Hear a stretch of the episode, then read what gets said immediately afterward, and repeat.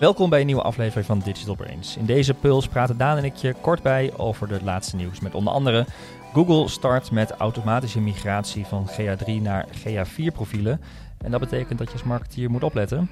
En Google rolt ook de Product Review Update uit naar Nederland. Verder komt TikTok met in-app shopping. Je kunt nu ook, ook uh, LinkedIn-post inplannen vanuit je bedrijfspagina. En Daan heeft een uh, nieuwe gadget, een reality, reality scan app voor do-it-yourself AR toepassingen. Ik ben gisteravond een uur uh, aan, het, aan het klooien geweest. Heerlijk. Ik ben heel benieuwd uh, wat, wat we daarbij moeten voorstellen. Maar eerst Daan, um, gaan we het hebben over Bing. De nieuwe zoekmachine Bing althans. Daar is ook weer wat nieuws over geweest de afgelopen twee weken. Plus, jij bent inmiddels toegelaten tot een gebruiker. En ik kreeg allemaal foto's weer doorgestuurd, screenshotjes van, van hoe dat werkt. Want we hebben het gehad over ChatGPT. Uh, uh, Bing heeft gezegd, we gaan ook zo'n zoekvenster in een chatfunctie maken. En dat lijkt dus te werken. Ja, ja het, is echt wel uh, nuttig.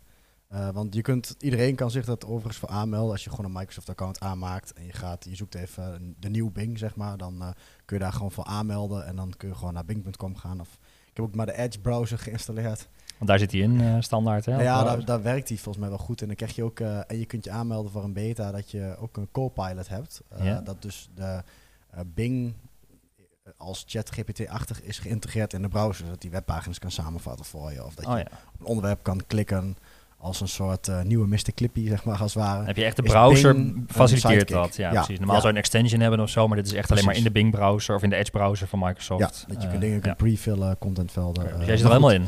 Nou, maar de, de, vooral het, het search gedeelte is wel uh, je leuk om ook te proberen. Want er werd, werd dan heel hoop over geblogd en met allemaal voorbeelden. En nu kun je gewoon je eigen dingen er, er eigenlijk in gaan gooien. En het mooiste is, uh, meest opvallend is het zoekvenster. Kun je gewoon uh, ja, duizend tekens ingooien. en ja, je kunt dan echt wat bredere vragen stellen. Toevallig, ik kom net uit, uit de lunch, er zat dan een collega. Die zocht die ene persoon die toen iets heeft gedaan met dit of dat. En dan doe je acht ja. queries, zeg maar. Toen dacht ik bij mezelf, ja, als je nu Bing had... Uh, dan kun je gewoon zeggen, hoe heet in persoonlijk alweer van dat en dat, dat, die en die, die shows heeft gespeeld. En de naam begint met een B, als het ja. ware. En dan krijg je, bedoel je dit, dit, dit of dat of dat. En het mooie ervan is, is dat uh, je ook bronnen er echt bij krijgt. Dus er staan kleine cijfertjes achter feiten die hij presenteert. Ja. En dan zie je onderin ook al de links verschijnen waar hij die inhoud vandaan heeft. Dus het is een soort ChatGPT-ervaring die... Um, waarbij ChatGPT ondertussen ook actueel op het internet een soort query op de achtergrond gaat doen. Je ziet ook wat hij zoekt. Ja. Hij zegt letterlijk, ik doe nu de search voor jou op de achtergrond, ja, ja. daar en daar en daar. Heel op. transparant eigenlijk. En ook de bron Ja. laten dus zien. Ja, en toen was ik in het begin bang van, gaan dan letterlijk echt wel wat daar staat op die pagina. Maar soms als er ook geen goede resultaten achter die query zitten, dan gaat hij wel met iets nuttigs komen. Mhm.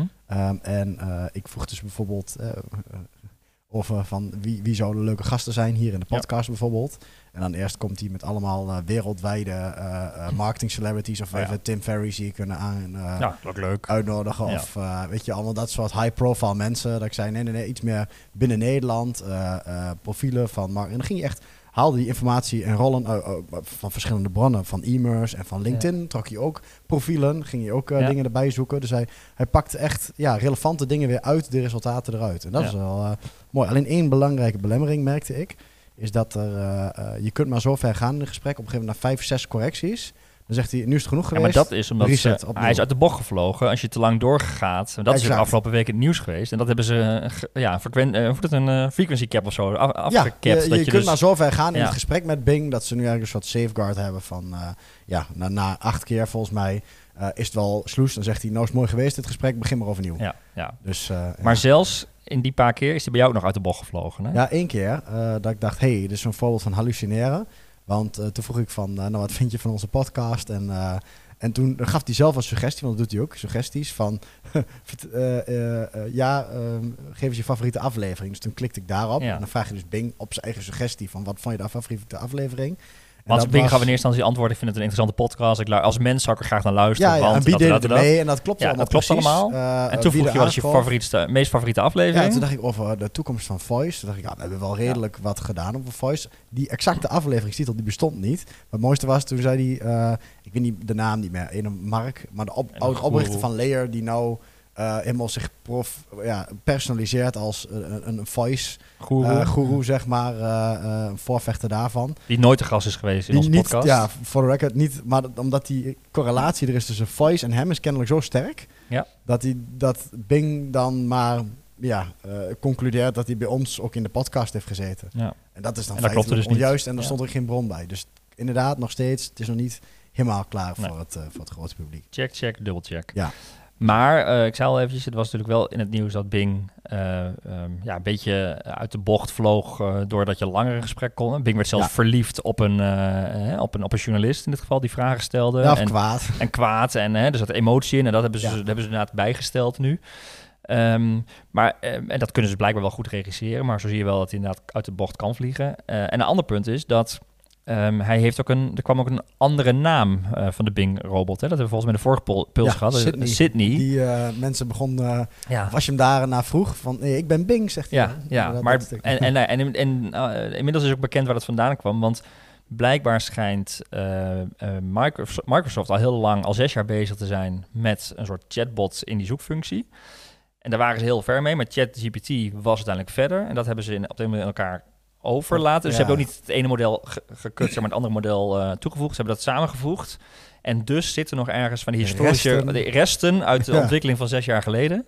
Waar dus nu eh, eh, ja, wat informatie naar boven kwam. Ehm, dus dit is een, een combinatie van. En daardoor lijkt het inderdaad dat, er, eh, dat die ja, misging. Maar uiteindelijk was het alleen maar een inkijkje in hoe ver eh, Microsoft al heel lang, of hoe lang ze al mee bezig zijn, hoe ver terug Ja. de ontwikkeling al, eh, Ja. al was. Het lijkt ook een beetje op dat toen Google ook testte met dat Lambda-model. Ja. Dat toen die Google-man zei, het is tot leven gekomen, het krijgt bewustzijn. Beetje in die periode en zo zijn ze natuurlijk ook En al dat was ook de angst, dat er een soort van eigen bewustzijn Ja. gecreëerd wordt. Maar dan zie je toch alweer dat het nee, het is gewoon gebaseerd op hele oude informatie, oude data. Ja, die als je lang genoeg doorvraagt en doorzaagt, komt die toch ergens naar Ja, boven. uiteindelijk kwamen ze toch ook met een lijst van wat eh, dat iemand kon zo ver kwam met dat eh, prompt hacken noemen ze dat dan. mhm.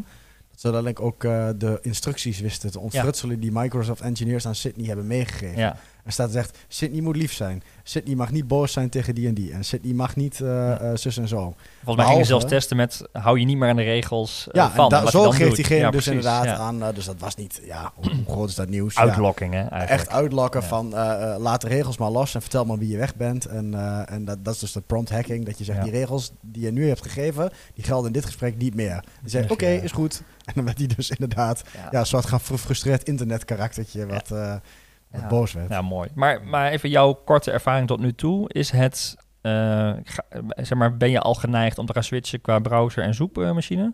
Nou ja, eh, eh, qua browser weet ik nog niet. Ik ben wel heel erg in Safari. Ik ben niet zo'n Chrome gebruiker trouwens. Ehm, op zich eh, ja, het werkt wel snel en dat soort dingen.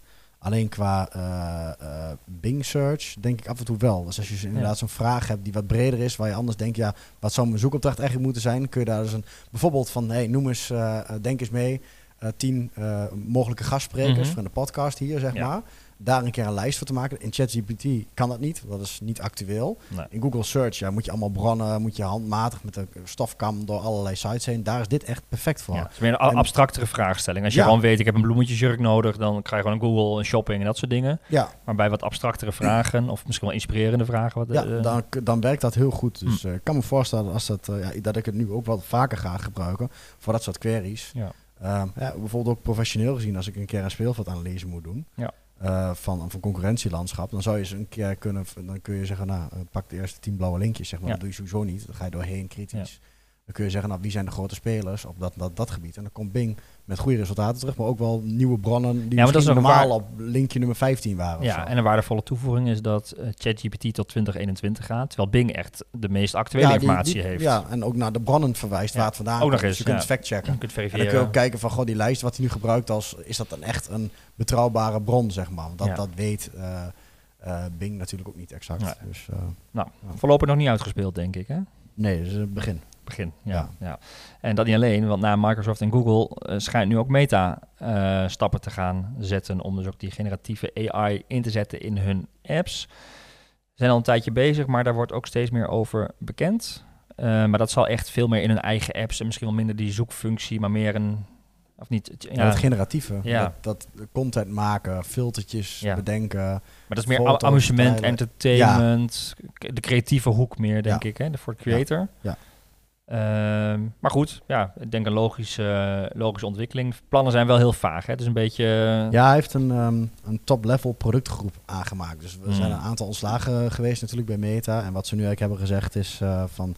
Dat wordt een soort eh, eh, unit die zich puur gaat bezighouden met eh, ja, generatieve tekst of afbeelding. Dus dat, je, eh, dat hebben ze bij die Bing-demo toen ook allemaal laten zien. Je zegt van ik wil graag een, een reactie schrijven op iemands bericht. Ja. Eh, die, die enthousiast is of weet ik wat, dat je een aantal voorbeeld, suggesties en zinnen krijgt die ook passend zijn in de context. Hm. Of inderdaad misschien met eh, ja, specifieke plaatjes of memes of dat soort dingen die dan automatisch gegenereerd worden. Ehm, eh, daar, dat is wat ze benoemen. En waar ze het over hebben over de langere termijn, willen ze graag AI-persona's die ja, mensen kunnen Oh ja. helpen op Ja. een bepaalde manier, zeg maar. Zoals ja, chatbotjes of interactieve dingen. Eh, dat is al helemaal vaag, maar het, eh, ze hebben er echt een productgroep voor opgericht die ja, volle focus heeft op die ja, generatieve, dus eh, AI die die dingen creëert Ja. voor mensen. Maar als je het linkje legt naar de metaverse, waar Zuckerberg natuurlijk heel mee bezig is, dan, en dat zou hè, een AI-achtige assistent zijn, die je zelfs misschien een soort ja, persoon en uiterlijk mee kan Ja. geven. Of En ook werelden creëren in zo'n metaverse bijvoorbeeld. Dat niet alles gebouwd hoeft te worden, maar dat Nee. je zegt, nou daar, maak maar een bos. Ja. En dan eh, ja, is er gewoon een bos gecreëerd, zeg maar. Dat niet een developer dat allemaal hoeft te doen, Nee. eh, maar dat, eh, ja, dat gewoon Dat maakt de hele metaverse misschien wel veel makkelijker op die manier. Ja. Nou, gaan we afwachten. In ieder geval ehm, eh, volop in ontwikkeling. En nou, we zeggen altijd, ga ermee experimenteren. Ik denk dat jij een mooi voorbeeld bent. Gewoon doen, doen, doen, leren, ervaren en kijken wat je eraan hebt. Dan even naar de praktijk van eh, alle dag. In ieder geval van echt op Ja, dit moment. heel tastbaar. ja, even iets waar heel we... concreet poten in de klei. Precies, iets waar je gewoon nu hands-on mee aan de slag moet. Want eh, Google kondigt eh, aan, hè, stuurt inmiddels ook eh, automatische mails naar accounts, Google Analytics accounts, die nog niet om zijn naar GA4. En melden dat, dat ze dat zelf gaan, gaan doen. Google gaat automatisch je Universal Analytics, GA3, zeg maar de oude versie, omzetten naar, naar GA4. En dat klinkt op zich wel lekker als een luxe, want het, is best wel een kostbaar proces om het even over te zetten nou, en, en goed in te richten. En dan denk je, nou ja, Google doet het zelf. Maar dat is nog niet zo eh Ja, daar vanzelfsprekend. zitten wat haken en ogen aan. Want eh, ehm, wat we hier ook hebben geconcludeerd, en we hebben een linkje in de show notes, wat een hele mooie guide eh, daarvan is. van Kirsta Seiden, dat is een oud product manager zelfs van Google, dus die heeft wat Ja, oh kritiek ja. op haar oude werkgever.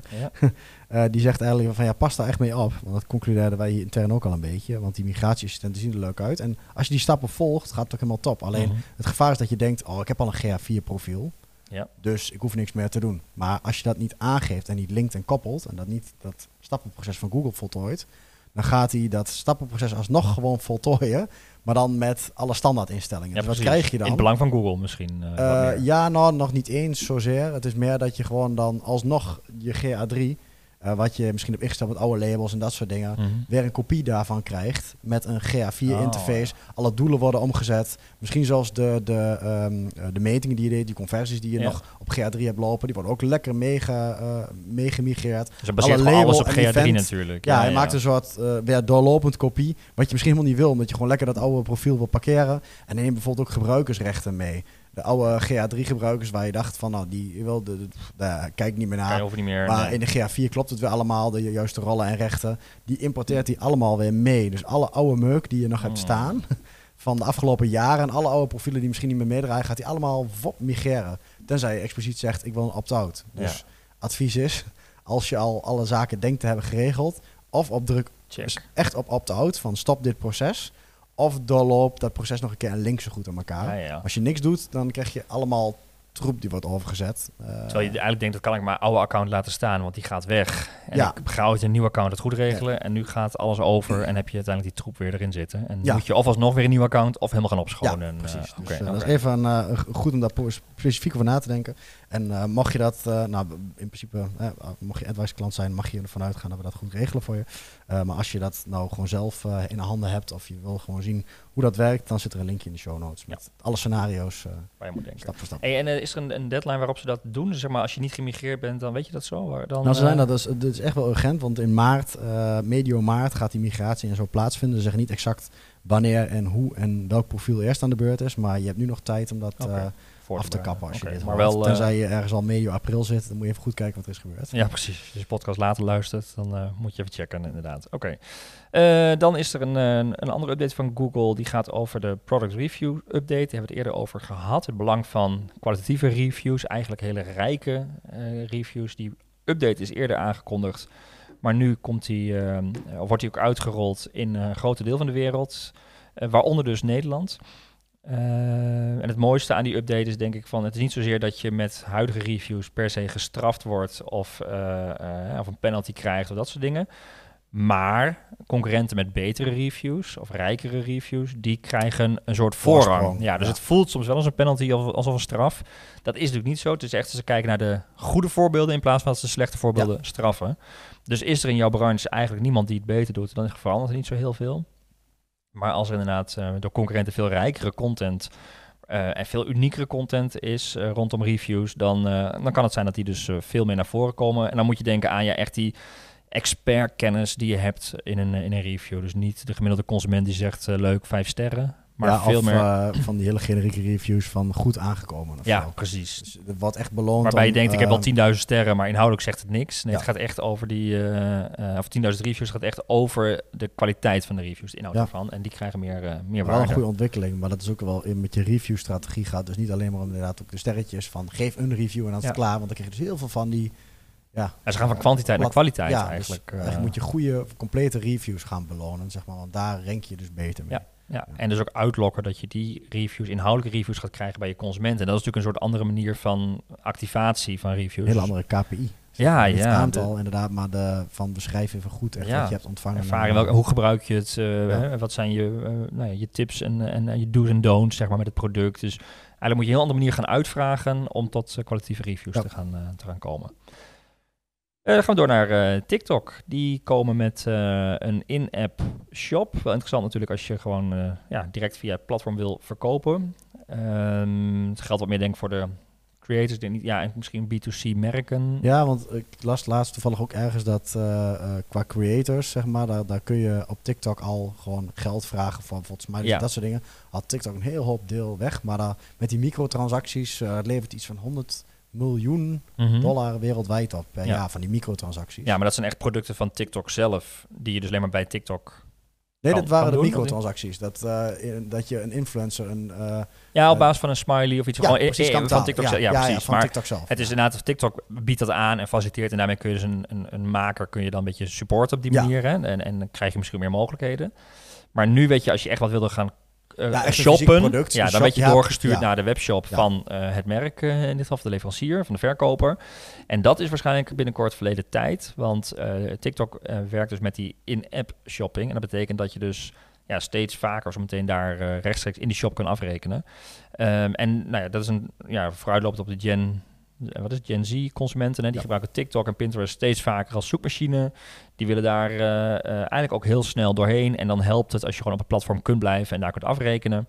Eh, Ja, en dat dus- zo bedoel ik die microtransacties, zeg maar. Ze zien dat dat gewoon een groot Ja, succes is werkt. als je in een platform direct interactie kan doen. en heel, alle frictie wegnemen. eh, je kunt gelijk door. eh, ja. algoritmes. Ja. En er is natuurlijk heel veel data wat, eh, wat ze ook weer krijgen. Want ze kunnen ook de transactie echt meten. Ja. Behalve alleen maar de outklik. eh, Ja, en je hebt geen eh, tracking pixels nodig, Nee. third-party cookies. Het is allemaal je eigen, eigen datastrategie. Dus het maakt ook zo meteen waarschijnlijk voor adverteerders weer extra, gaat het extra mogelijkheden bieden.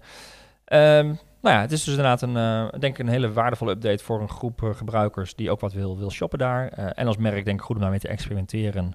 Eh, en ook voor kleine webshops natuurlijk. Hè. De concurrentie in TikTok is nog laag. Dus als jij eh, leuke content hebt, groot bereik hebt, Klopt. of in het algoritme weet te komen. eh. Ja, ga ermee, eh, ga ermee aan de slag.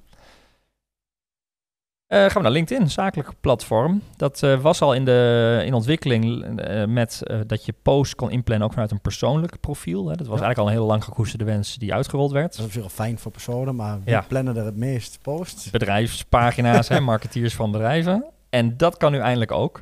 Je kunt nu ehm, ja, LinkedIn-post inplannen vanaf je bedrijfspagina. Heerlijk voor alle content marketeers. Ja. En, eh, Ja. Ja. Ik, ik, ik ben nooit goed begrepen waarom dat niet kan. Waarom een social... Ja, simpele feature. Ja, waarom ze dat niet willen. Het voelt, dus we hebben heel lang gestuurd op het moet oprecht, echt, weet je, dat soort dingen zijn. En niet te veel gemaakt. En, Ja. en, en, maar je merkt gewoon dat gebruikers willen dit. En ik denk dat gebruikers het ook veel meer gaan gebruiken als je kunt gaan plannen en, gelijk op het platform weg kan, eh, weg kan zetten.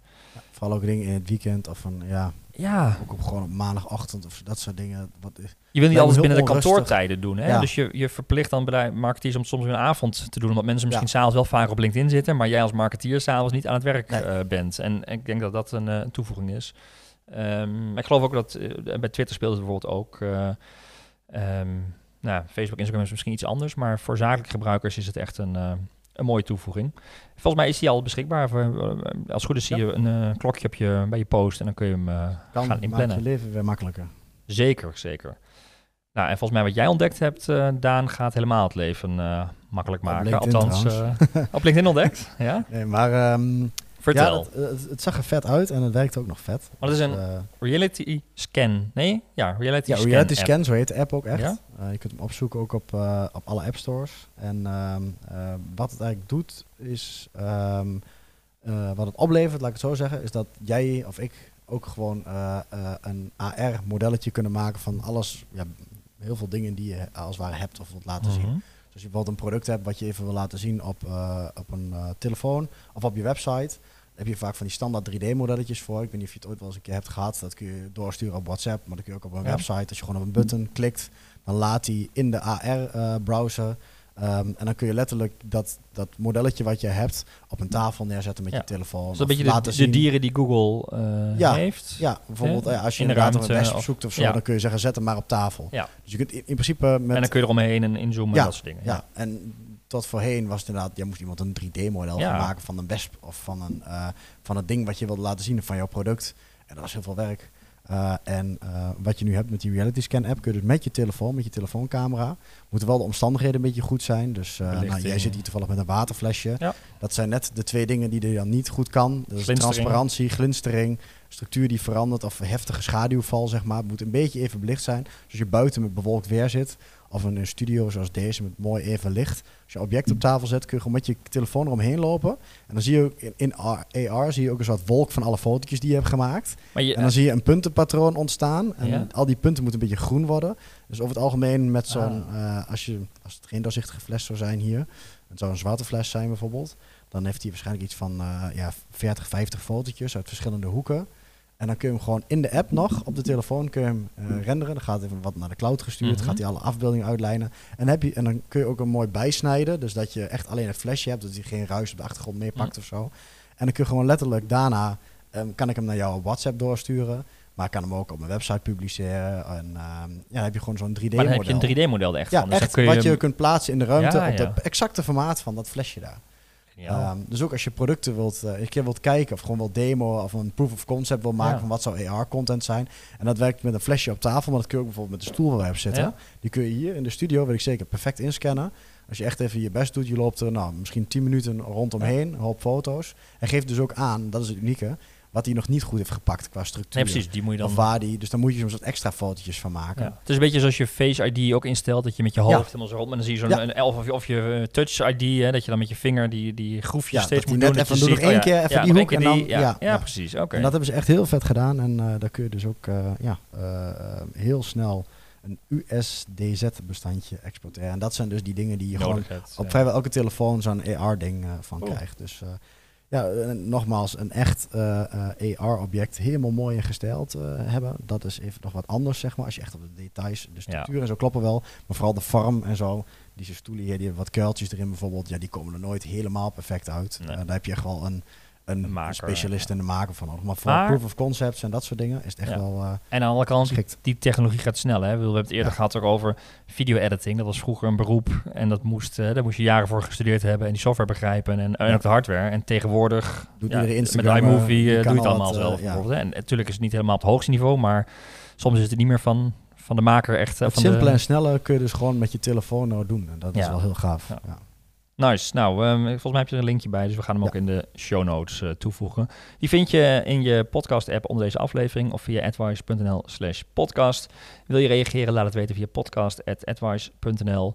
En blijf op de hoogte door je te abonneren op deze podcast in je favoriete podcast-app of via Spotify en eh, YouTube met ook video bij de kanalen. En voor nu weer bedankt voor het luisteren en heel graag tot de volgende aflevering.